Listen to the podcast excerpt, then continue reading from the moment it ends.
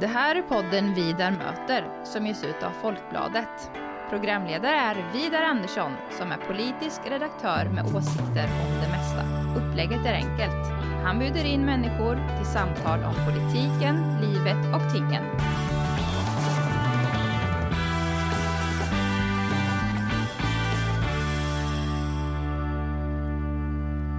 Emil Broberg, varmt välkommen till Vidar möter. Tack så mycket. Mm. Eh, vi sitter nere i källaren, kan man säga så? Ja, det tror jag. Ja, I eh, regionhuset i Linköping. Precis, mm. en gammal eh, vårdcentral. Jaha, så där. Och det är ingen slump att det är en gammal vårdcentral egentligen, för du är ju i organisationen Sveriges kommuner och regioner, SKR. Så är du ordinarie ledamot i arbetsutskottet. Det stämmer, precis. Ja. Och du är också gruppledare här i Region Östergötland för Vänsterpartiet. Exakt. Mm. Och eh, du har en bakgrund också. Du eh, satt som ung, eller yngre, för du är fortfarande många år kvar till 50. Men som yngre så satt du också i partistyrelsen för Vänsterpartiet. Precis, ja, jag, jag, jag, hann med mycket, jag har hunnit med mycket. Ja, och eh, det är också så att eh, när man ser på din position i, på det nationella planet i, i SKR som är en jättetung organisation. Det är hela välfärden vi talar om. Och hundratals miljarder i, i kommunal och regional ekonomi. Och oerhört stort eh, och viktigt uppdrag. Så skulle jag vilja säga att du är det liksom den högst uppsatte vänsterpartisten i Sverige. Ja, det, det är inte så jag brukar själv tänka på det, men, men det är klart att, att genom att finnas med i, i sammanhanget i SKR och i de diskussionerna och det arbete som finns inom SKR, där vi också jobbar ganska mycket med att hitta gemensamma lösningar mellan alla partier, så är det klart att, att det ger en, en position där man får möjlighet att påverka en del. Mm. Och eh, jag har ju lagt märke till dig och det är ju svårt att undgå här i, i Östergötland, eh, men på den tiden ni hade fysiska möten här på landstingsfullmäktige, eller regionfullmäktige heter det kanske nu. Och eh, där du liksom eh, bröt ut från mängden. Dels genom ditt sätt att tala, tyckte jag. Ditt sätt att föra dig, ditt sätt att klä dig. Ja, snygg, proper och eh, liksom genomtänkta inlägg. Gick inte bara upp och bluddra. Och eh, jag tänkte, det här är, det här är något extra. Ja. ja, jag vet inte. Det är upp till andra att bedöma. Ja, jo, mm. men alltså du, eh, du, du sticker ut, du anstränger dig och mitt intryck var så att du tar verkligen ditt uppdrag på allvar. Ja, nej men...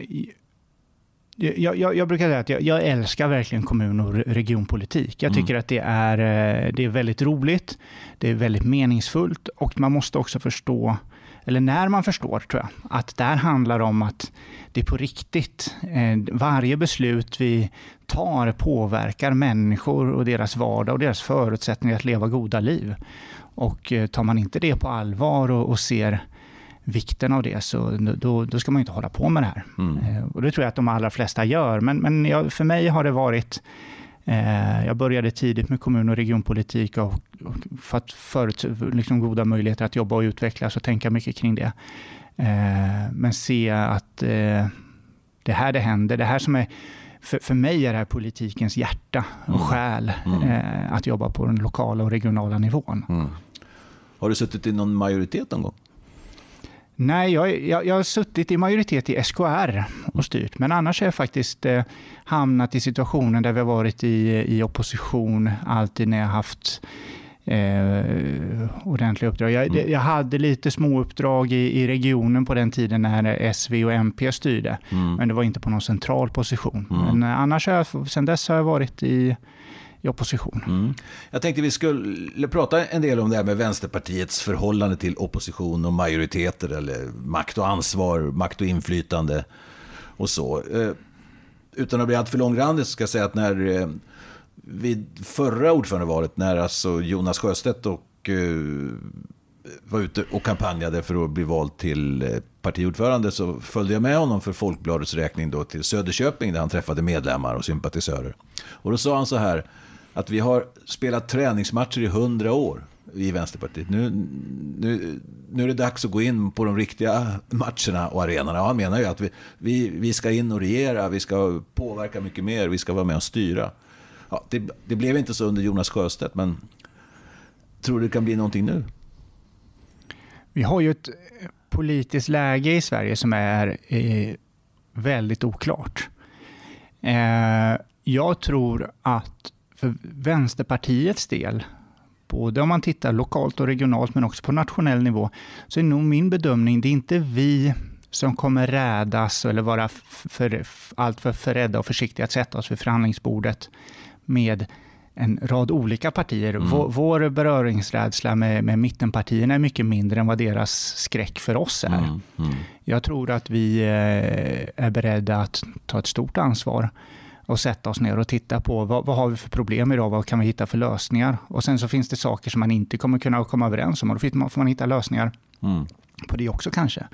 Men jag tror att eh, Vänsterpartiet har gjort en, en lång resa som har pågått i över 20 år från där man liksom hade rejäla interna konflikter kring synen på samarbete med andra partier. Ska man ingå i regeringar? Ska man ta mm. ansvar för samhällsutvecklingen hela vägen och så? Eh, och, det, och, det, var turbulent under många år och, och stökigt fram och tillbaka. Men, mm. men, idag så uppfattar jag att vi har, vi har egentligen landat ut det där för ett antal år sedan. Eh, det, det krävdes en resa mm. för att samla partiet kring det. Mm. Jag, jag, jag satt ju i riksdagen eh, under några år när Gudrun Schyman eh, också gjorde det och var partiledare och eh, lyfte ju partiet. Alltså det blev som jag såg det från utsidan, då, mer folkligt. Alltså stödet på 12-13 procent i opinionsmätningar. Och eh, gick ju väldigt bra. Alltså öppnades en ny arena på något sätt. Det är en väldig skillnad att vara 4-5 procent än att känna att man har stöd av 13-14 procent kanske. Absolut, så, ja. så är det ju. Det, det ger ju ett annat självförtroende, men ger ju också en annan möjlighet att på riktigt diskutera makt och inflytande. Mm. Har man 4% och aldrig har suttit i närheten av makten, mm.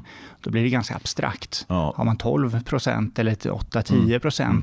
och, och får möjlighet att känna på att sitta faktiskt på riktigt och, och, och diskutera och samtala och se att politik som man vill genomföra genomförs. Mm. Att, att det som man faktiskt har drivit blir verklighet. Mm. Det är ju det är väl det man vill. Mm. Det är väl det, det som allting som vi gör går ut på. Mm. Och när vi ändå har fått göra det i olika konstellationer på olika sätt, både på nationell nivå mm. men också lokalt och regionalt, så gör ju det någonting med ett parti som om man tittar då i slutet på 90-talet som aldrig hade varit i närheten av det. Mm. Som hade varit framförallt bra på att eh, tugga teser och vara teoretiska, mm. men nästan aldrig varit involverade i det praktiska hantverket i att faktiskt förverkliga mm. den politik som man pratade om. Mm.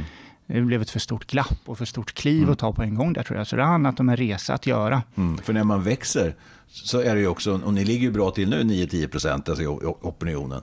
Och eh, alltså, när man växer så späs det ju ut också. Det kommer in människor med en rad andra olika åsikter som liksom inte har en aning om eh, ja, de här gamla teserna och grejerna. Utan är intresserade av någon eller några frågor eller tycker partiledningen eh, är, gör, gör, gör, det bra eller det, tycker det är bra att ni eldar på sossarna eller vad det nu är. Va? Men alltså det späs ut. Det blir mindre, mindre renlärigt. Alltså, och det är också en utmaning naturligtvis, eller?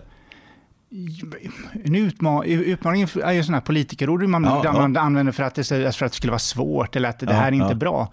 Men jag tror snarare kanske att det har varit bra. Mm. Alltså när jag kom med, jag gick med i Vänsterpartiet 93. Eh, mm. Eh, det var ju efter liksom, man hade bytt namn och Gudrun mm. Schyman hade blivit partiledare precis och sådär. Eh, då var ju partiet ett, ett ganska gammalt parti mm. med många gamla, inte så mycket unga människor. Eh, man hade fortfarande, man blev invald i formell mening av, ett, av en styrelse som liksom godkände att man var medlem. Mm. Det var liksom väldigt tungt på teoretiska studier. Alla skulle gå liksom en, en marxistisk grundkurs. Mm. Eh, så ser det ju inte ut idag. Ett, ett, ett, Vänsterpartiet har ju fått massor nya medlemmar mm. de senaste åren och eh, liksom har varit en stor eh, liksom förändring både i antal men också att människor kommer in med helt andra bakgrund, mm. helt andra eh, förankringar i, i, i, sitt vardagsliv och med andra, liksom helt andra perspektiv. Mm. Och det tror jag det, det är liksom väldigt sunt för Vänsterpartiet. Mm. Att med, alltså vi, vi, måste ha en bra politisk teori såklart, eller en politisk grund att vila på. Mm. Vi måste alltid utgå från människors liv och mm. människors vardag. Om vi inte gör det så, så kommer vi aldrig hamna rätt. Mm. Eh, Vad ska jag säga? Alltså, det kan ju bli ett eh, extra skarpt läge eh, efter nästa val. Till exempel. Menar, nu, nu är det ju ganska jämnt. Om man då räknar att på ena sidan har vi Vänsterpartiet, Socialdemokraterna, Miljöpartiet och Centerpartiet. Och på andra sidan då Moderaterna, Sverigedemokraterna, Kristdemokraterna, eventuellt Liberalerna, hur det går för dem. Och det är ganska jämnt mellan de här blocken, eller ska säga, eller partigrupperingarna. Och då kan ju pressen öka, så att säga. Och så ska det kunna bildas en majoritet så måste ju kanske Centerpartiet och Vänsterpartiet eh, samarbeta. Ja, så kan det vara. Ja. Eh, jag tror att eh, jag tror att det där, eh, vi, kan, vi, vi kommer nog kunna hamna i en situation om, vi inte, om det där inte händer på nationell nivå Mm. efter nästa val, så är jag övertygad om att vi kommer gå före i kommuner och regioner. Mm. Det kommer etablera sig samarbeten och, och, och, och, i olika former Mm. på lokal och regional nivå, Mm. där man eh, kommer göra det. För att den nationella politiken, de är, de är ibland lite fegare, de släpar lite efter, de är lite för fast i sina liksom, eh, liksom i partiprogrammen eller i sina principer. Eh, och där tror jag att på lokal och regional nivå så är mycket mer van att ja, men okej, vi har ett problem, vi måste ta tag i det. Vi måste hitta ett sätt att styra och leda. Eh, Jag kan se att eh, här i regionen många gånger kan jag sätta mig med mm, Alexander som är gruppledare och kommunalråd för, för Liberalerna Mm. och prata personalpolitik och vi Mm. landar ut i gemensamma ställningstaganden som är ganska enkelt. Vi hittar Mm. samsyn eh, och det gör vi ju för att vi ser att okay, vi har ett problem vi behöver lösa. Mm. Och sätter man, har man den utgångspunkten så det, kan man oftast göra, hitta lösningar. Mm. Eh, har olika ingångar, men utgången kan vara, eh, behöver inte vara så krånglig alltid. Mm. Sen kan man ju säga att det är lättare på lokal och regional nivå, för att det är inte hela rikets styre som ska göras, utan man har just kanske personalpolitiken i sjukvården. Mm. Men, men jag tror att man har mycket att lära av den kommunala eh, och regionala politiken på nationell nivå där. Mm. Mer hands-on, mer liksom se till vad kan vi få gjort, Mm. än snarare än att se till nästa pressmeddelande. Mm. Hur, känner du själv här i, i Region Östergötland, där ni är i opposition nu? Eh, eh, hur, eh, även om majoriteten inte har någon majoritet heller. Så det, det är ett öppet läge här också, ungefär som i, i riksdagen kan man säga. Absolut. Nej, men, eh, vår ingång var ju, när den här mandatperioden började, Ja. så såg ju vi att man hade ett styre som, tänkte, som hade majoritet förra mandatperioden som deklarerade vi kommer fortsätta styra som ingenting har hänt. Eh, vi såg ju att vi tyckte inte det var bra, Mm. att de skulle ha fortsatt majoritet i, i styrelsen och, och hälso och sjukvårdsnämnden. Så vi sa ju till, gick ju och pratade Mm. med Moderaterna och Kristdemokraterna och gjorde en valteknisk samverkan Mm. för att faktiskt visa på att här finns det liksom, här måste man kunna prata, ni, ni kan inte fortsätta styra som ingenting har hänt, för Mm. ni har inte majoritet. Och eh, då pushade vi på faktiskt och, och fick en situation ändå där de har öppnat upp lite grann, ska man väl säga, Mm. i samtal. Där vi, eh, jag ska inte säga att Vänsterpartiet har stort inflytande, för det har vi inte, men vi har haft inflytande över vi- vissa frågor och vissa av de frågor som vi väcker får vi igenom tack vare att vi faktiskt har ett bättre samtalsklimat. Det Mm. hade vi inte fått annars. Tittar man på framtiden så är min utgångspunkt, eller vår utgångspunkt, att vi vill utifrån den verklighet vi befinner oss hitta sätt att förbättra hälso och sjukvården, göra, bedriva en bättre personalpolitik. Vi, fin, vi ser att det finns förbättringspotential. Men jag är helt övertygad om att de, sätter vi oss runt ett Mm. bord och samtalar med, med de andra partierna, med, om det är Centern, och Liberalerna, och Socialdemokraterna och Miljöpartiet, det, det är där som jag tror att det skulle vara lättast att Mm. hitta vägar fram. Så tror jag att det är fullt möjligt Mm. Utifrån vårt perspektiv. Det handlar ju om att ge och ta. Mm. Man får, man får se eh, och så får man göra såklart en värdering av vad tycker vi att vi får igenom, är det värt det? Mm. Man, kan inte liksom, man styr ju inte för styrandets skull. Mm. Vi vill ha, men vi vill ha inflytande. Och, jag tror att, och det vill de andra partierna också. Ja. Och har man det kan man se ömsesidigt respektera varandra och se olika frågor ur det perspektivet. Så, eh, Hur stora är ni här i, i Östergötland? Är det femte största? Eller? vi, vad blir vi? Vi blir fjärde största parti Fjärde största. i regionen. Ja. Vi är någon tiondel större än Centern tror jag. ja. Så det är eh, Socialdemokraterna, Moderaterna, eh, Sverigedemokraterna? Och sen vi. Ja. Eh, vi har ju faktiskt, de, I Östergötland har vi varit, Vänsterpartiet har varit svaga i Östergötland ja. historiskt. Men de, två senaste, de tre senaste regionvalen har vi faktiskt hela tiden gått lite bättre än riksutvecklingen. Mm. Så att vi, eh, vi klättrar uppåt. Mm. Och vi ökade ju med två mandat i förra valet. Ja. Eh, och vi siktar väl på att fortsätta den mm. utvecklingen. Man ska inte kunna, vår ambition är att vi ska vara en makt, liksom vara med och vara en sån stor spelare i det här. Att mm. man, man ska inte kunna kringgå oss, utan man måste föra samtal med oss om man mm. ska styra. Jag läste en intervju med dig i korren på valnatten vid valet 2018 och då vid midnatt där, då var du fortfarande ganska besviken, men det var ju inte alla röster regionröster i Norrköping räknade. Nej, precis. Nej. Och då vid det tillfället där, då hade, tror jag inte ni hade ökat någonting. Ni låg på 7,5 procent, någonting sånt där. Ja, jag minns sen, faktiskt nej, inte det. Sen blev det lite bättre. Mm. Ja. Eh, ja, nej, men eh, det är ju, ja, och regionvalet räknas ju alltid sist, ja, så det, är alltid, det är alltid en plåga. Man sitter där sist på valvakan och, och tittar på de här siffrorna när alla andra är färdiga. Eh, nej, men vi, vi, har ju, vi, har gjort, vi har gått framåt och vi har också haft en ganska tydlig profil politiskt mm. där vi har varit kritiska mot mycket av det som sker mm. eh, i regionen eh, och försöker eh, Framför allt så tror jag att den stora utmaningen är att vi måste klara av att ha en bättre liksom, genomgripande på diskussionen kring, kring ekonomin, mm. kring hälso och sjukvården, kring välfärdens ekonomi. Där uppfattar jag att vi, vi har en bit kvar mm. för att landa ut det på ett bra sätt. Och där är det en ingång att den är underfinansierad helt enkelt, att det, det finns för lite pengar? Kan man säga. Det är för lite pengar. Ja. Mm. Det, om, om man tittar på regionen nu efter ett år i en pandemi så är det ett under att den fortfarande fungerar. Mm. Och den fungerar inte på grund av att liksom, styrningen och ledningen har varit särskilt bra. Utan det fungerar ju bara för att personalen har verkligen vänt ut och in på sig själv. Mm. Och så har det varit i, liksom över hela Sverige. Mm. Östergötland skulle jag säga sticker inte ut på ett kraftigt negativt sätt jämfört med andra regioner. Men sjukvården är underfinansierad. Eh, och vi är för få som är anställda. Mm. mm. Eh, det, det liksom är jag, jag, min, min fru är barnmorska. Eh, på hennes lediga dagar så stänger hon av telefonen ofta för att slippa svara, för att det ringer alltid. Mm, att man ska in och jobba. Och, in och jobba. Eh, och det är in, i, i, en organisation som mår bra, så, där man faktiskt har tillräckligt många anställda, om vi nu tror att vi ska upprätthålla mm. Eh, sjukvården på, på en hög nivå, så, så, går det inte att ha det så här. Mm. Eh, det, det, det, kommer slå tillbaka så småningom. Så att eh, det, det, är en jätteutmaning. Men det är också mm. en nationell utmaning. Mm. Alltså, man måste skjuta till mer pengar. Och det är ju liksom, SKR är jättetydliga med. Det saknas pengar. Mm. Det här regionala styret då, fyller det fortfarande någon mening? Eller borde inte det här vara en statlig... Nej. Vad är, vad är, vad är själva meningen med det regionala styret egentligen? Så att säga? Ja, men vi, alltså det, det, finns en bild av att det regionala styret är ganska ineffektivt och byråkratiskt och så. Men jag skulle säga att det inte är det. Och jag skulle också säga att det är, det är svårt att styra över sjukvården, för det är väldigt mm. starka professioner. Ja, eh, och, och, men, men det är... Om man skulle göra det till en statlig angelägenhet, så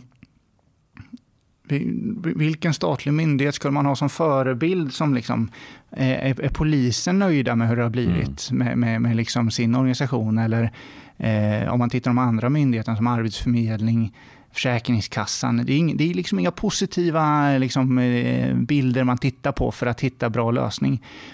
Tänk sjukvården i en stat som en statlig mm. myndighet, som en jättekoloss den skulle ju, det finns, jag, ser två hot med det. Antingen så blir den oerhört byråkratisk som kommer styras av centrala direktiv. Mm. Och då tror jag att framförallt om man bor utanför de större städerna, om man bor i glesbygd, då kommer det svida rejält. För mm. då, då, kommer sjukvården att skäras ner. För då kommer man eh, styra efter helt andra principer än, än det man gör idag. Alltså, mm. Alltså då kommer man ha ett statligt, nationellt perspektiv. Och då stryker nog glesbygden mm. på foten tror jag. Absolut, och du har säkert eh, starka poänger i det. Jag har ingen eh, bestämd uppfattning i, i, de här frågorna. Vad jag funderar på är när jag har talat både med, eh, med professionen inne i regionen, inte minst här i Östergötland, och eh, också följer den, den nationella utvecklingen, så tänker jag mig att digitaliseringen, det vill säga att, att det är ju en väldigt stark och samhällsförändrande kraft. Och, och allt som kan digitaliseras, det kommer ju att digitaliseras. Och nu man tänker att patientrörligheten ökar ju. Jag menar, du kan nu i pandemitider, du kan vaccinera dig var som helst. Till exempel. Du, du sitter inte fast i ditt landsting eller i din region och så vidare. Man rör sig och... Jag tänker att det, det där förändrar, måste ju förändra väldigt mycket så för arbetsformerna, även om man har kvar regionerna. Eller man kanske har lite färre regioner, kanske lite större regioner. Eller? Jag hade varit en anhängare av färre regioner. Ja. Eh, det jobbade vi ju hårt, mm. väldigt hårt med i SKR under, ja. under många år. Eh, det följer tyvärr. Mm. Eh, och det dröjer nog innan den frågan kommer upp mm. igen. Man gick politiskt bet där. Ja. Liksom. Man, man, drev det in i kaklet. Det hade kunnat vara en fördel, men jag tror att vi, vi, vi, såklart att vi kommer se en rörlighet och vi kommer se samhället förändras. Vi har digitaliseringen och det kommer förändra förutsättningar. Men i grunden så är sjukvården kommer vara beroende av det fysiska mötet. Och människor kommer i, som huvudsak alltid vilja ha nära till sjukvården mm. fysiskt. Man vill mm. ha sin vårdcentral nära. Man vill ha sitt sjukhus mm. relativt nära. Eh, och sen så kommer man nog kunna tänka sig att åka. Och jag tror att man också man måste hitta samarbeten såklart eh, för att lösa, som vi gör idag. Att vissa saker kan man bara göra i, på ett eller två ställen i Sverige. Mm. Vi har brännskadevård i, i Östergötland här som människor kommer till från hela landet för att få. Så att, så att, men men nej, jag, jag, jag, jag tror snarare att eh, centralisering av sjukvården skulle inte ge någon större Alltså det är större hot än vinster med det. Mm. Men jag förstår, jag förstår att, det, att det är lätt att säga så här, om staten tar över då blir det jämlikt, mm. då blir det bra. Eh, det är ju en ryggmärgsreflex hos mm. Vänsterpartiet. Eh, man, man, man, driver på, liksom, förstatligande är ju ofta lösningen på allting. Nu säger man inte det om sjukvården så tydligt, mm. men, man, men jag hör ju hur det kommer krypande. Mm. Vi driver på för en statlig skola. Eh, vilket jag också känner mig liksom helt främmande inför. Jag, jag, tror att man underskattar behovet av att faktiskt låta saker och ting försöka... Vi borde se det tvärtom, tycker jag. Skjuta ut makten mm. längre ut eh, i organisationerna. Mindre central styrning, mindre statlig styrning, kanske mindre styrning i, eh, i regionerna vid sjukvården också. Lämna mer makt till ut i organisationen. Jag satt med i den statliga utredningen eh, Tillitsdelegationen. Mm Eh, där vi tittade på styrning och ledning. Eh, och ju, ju mer vi ofta försöker styra med massa politiska dekret eller politiska beslut, desto mer förstör vi nästan. Mm. Och det där är en utmaning. Jag bidrar till de här förstörelsen genom att fatta massor konstiga beslut och lägga massor motioner mm. och sånt där som går emot egentligen de saker som man tänker kring styrning och ledning. Men vi måste ju liksom någonstans tänker jag, vi vill ha, en vänsterpartistisk ambition är ju en demokratisering av samhället. Det har ju varit liksom så, ett slagord mm. länge. Demokratisera offentlig sektor. Men vi pratar väldigt lite om det. Eh, och eh, ja, vi behöver liksom eh, hitta bättre former för att prata om utveckling av välfärden. Ja, och det säger alltså Emil Broberg. Ni skulle se honom här. Han är mm, oerhört engagerad. Och det är kul att, att se dig och lyssna, och, och lyssna på dig. Och... Men snart är det ju första maj. Och eh, jag tänker när man sitter då med en, eh, en profilerad vänsterpartist så vore det ju synd att inte säga någonting om det. Och dessutom har jag sett en film som ni har gjort här eh, för ert digitala första maj-firande som ju alla som vill fira första maj får ju finna sig i att det blir digitalt. Men den här filmen var väldigt fin. Ja, tack. Ja, men det, vi, vi tycker att vi har fångat upp en film där vi har gjort, eh, egentligen inför första maj, där vi har fångat upp en amerikansk artist som har jobbat med Bernie Sanders presidentvalskampanjer. Och vi, eller jag tyckte om den sången. Jag tyckte om budskapet och känslan om att det liksom en den handlar om att det är vi tillsammans som, som kan skapa förändring och det är vi tillsammans som kan förändra världen eller samhället om vi gör det som sagt ihop. Och det är väl mm. det som första maj eh, ofta handlar om. Mm. egentligen. Att samlas som mm. organisation, som rörelse, som folkrörelse. Och... Men det är en väldigt uppfordrande sång du har valt. Jag tänkte på det. Den är, är ju väldigt fin. Vad heter hon? Lia Rose? Lia Rose. Ja, eh, hon, hon säger, om jag översätter till, till svenska, liksom, om inte nu, så när? Ja. Och om inte vi, så vilka? Eller hur? Ja, men så är det väl. Ja. Om, man, om man tror på ett bättre ja. samhälle, så står vi inför enorma utmaningar nu. Mm. Vi, har, vi har en höger som växer sig allt starkare, en extremhöger som vi i Sverige nog nästan aldrig har sett eh, liksom, sett eh, tidigare i den politiska historien på det sättet som, som faktiskt står på gränsen till att eventuellt göra anspråk på regeringsmakten. Om man då som, som människa som vill någonting annat, mm. då måste man ju tänka, om, om jag inte gör det här nu, mm. Så, så, när ska jag då göra det? När ska, när ska jag då ta klivet in? Om jag inte vill se det. Och det är lite samma, det är lite ja. situationer som jag tror den amerikanska vänstern, som den här låten kom i en kontext först också. Mm. Liksom, de hade satt med en president, Trump, som man verkligen inte ville ha och man såg hur samhället gick åt fel håll. Och då blev diskussionen, om inte, om inte nu, mm. när ska man då engagera sig? Mm. Och det är väl det som vi känner också. Mm. Om, liksom, om inte vi som, också som vänster lyckas nu, mm. om inte vi kan ta det här nu, när ska man då göra det? Helt riktigt, och jag känner på mig, jag anar för vad nu det kan vara värt, att ni kommer att prövas. Vänsterpartiet kommer att prövas på allvar, liksom. om inte nu, så när. Och om inte vi, så vilka? Det ska bli oerhört intressant att följa dig och Vänsterpartiet framöver här. Ett spännande år ligger framför oss. Stort tack Emil. Tack.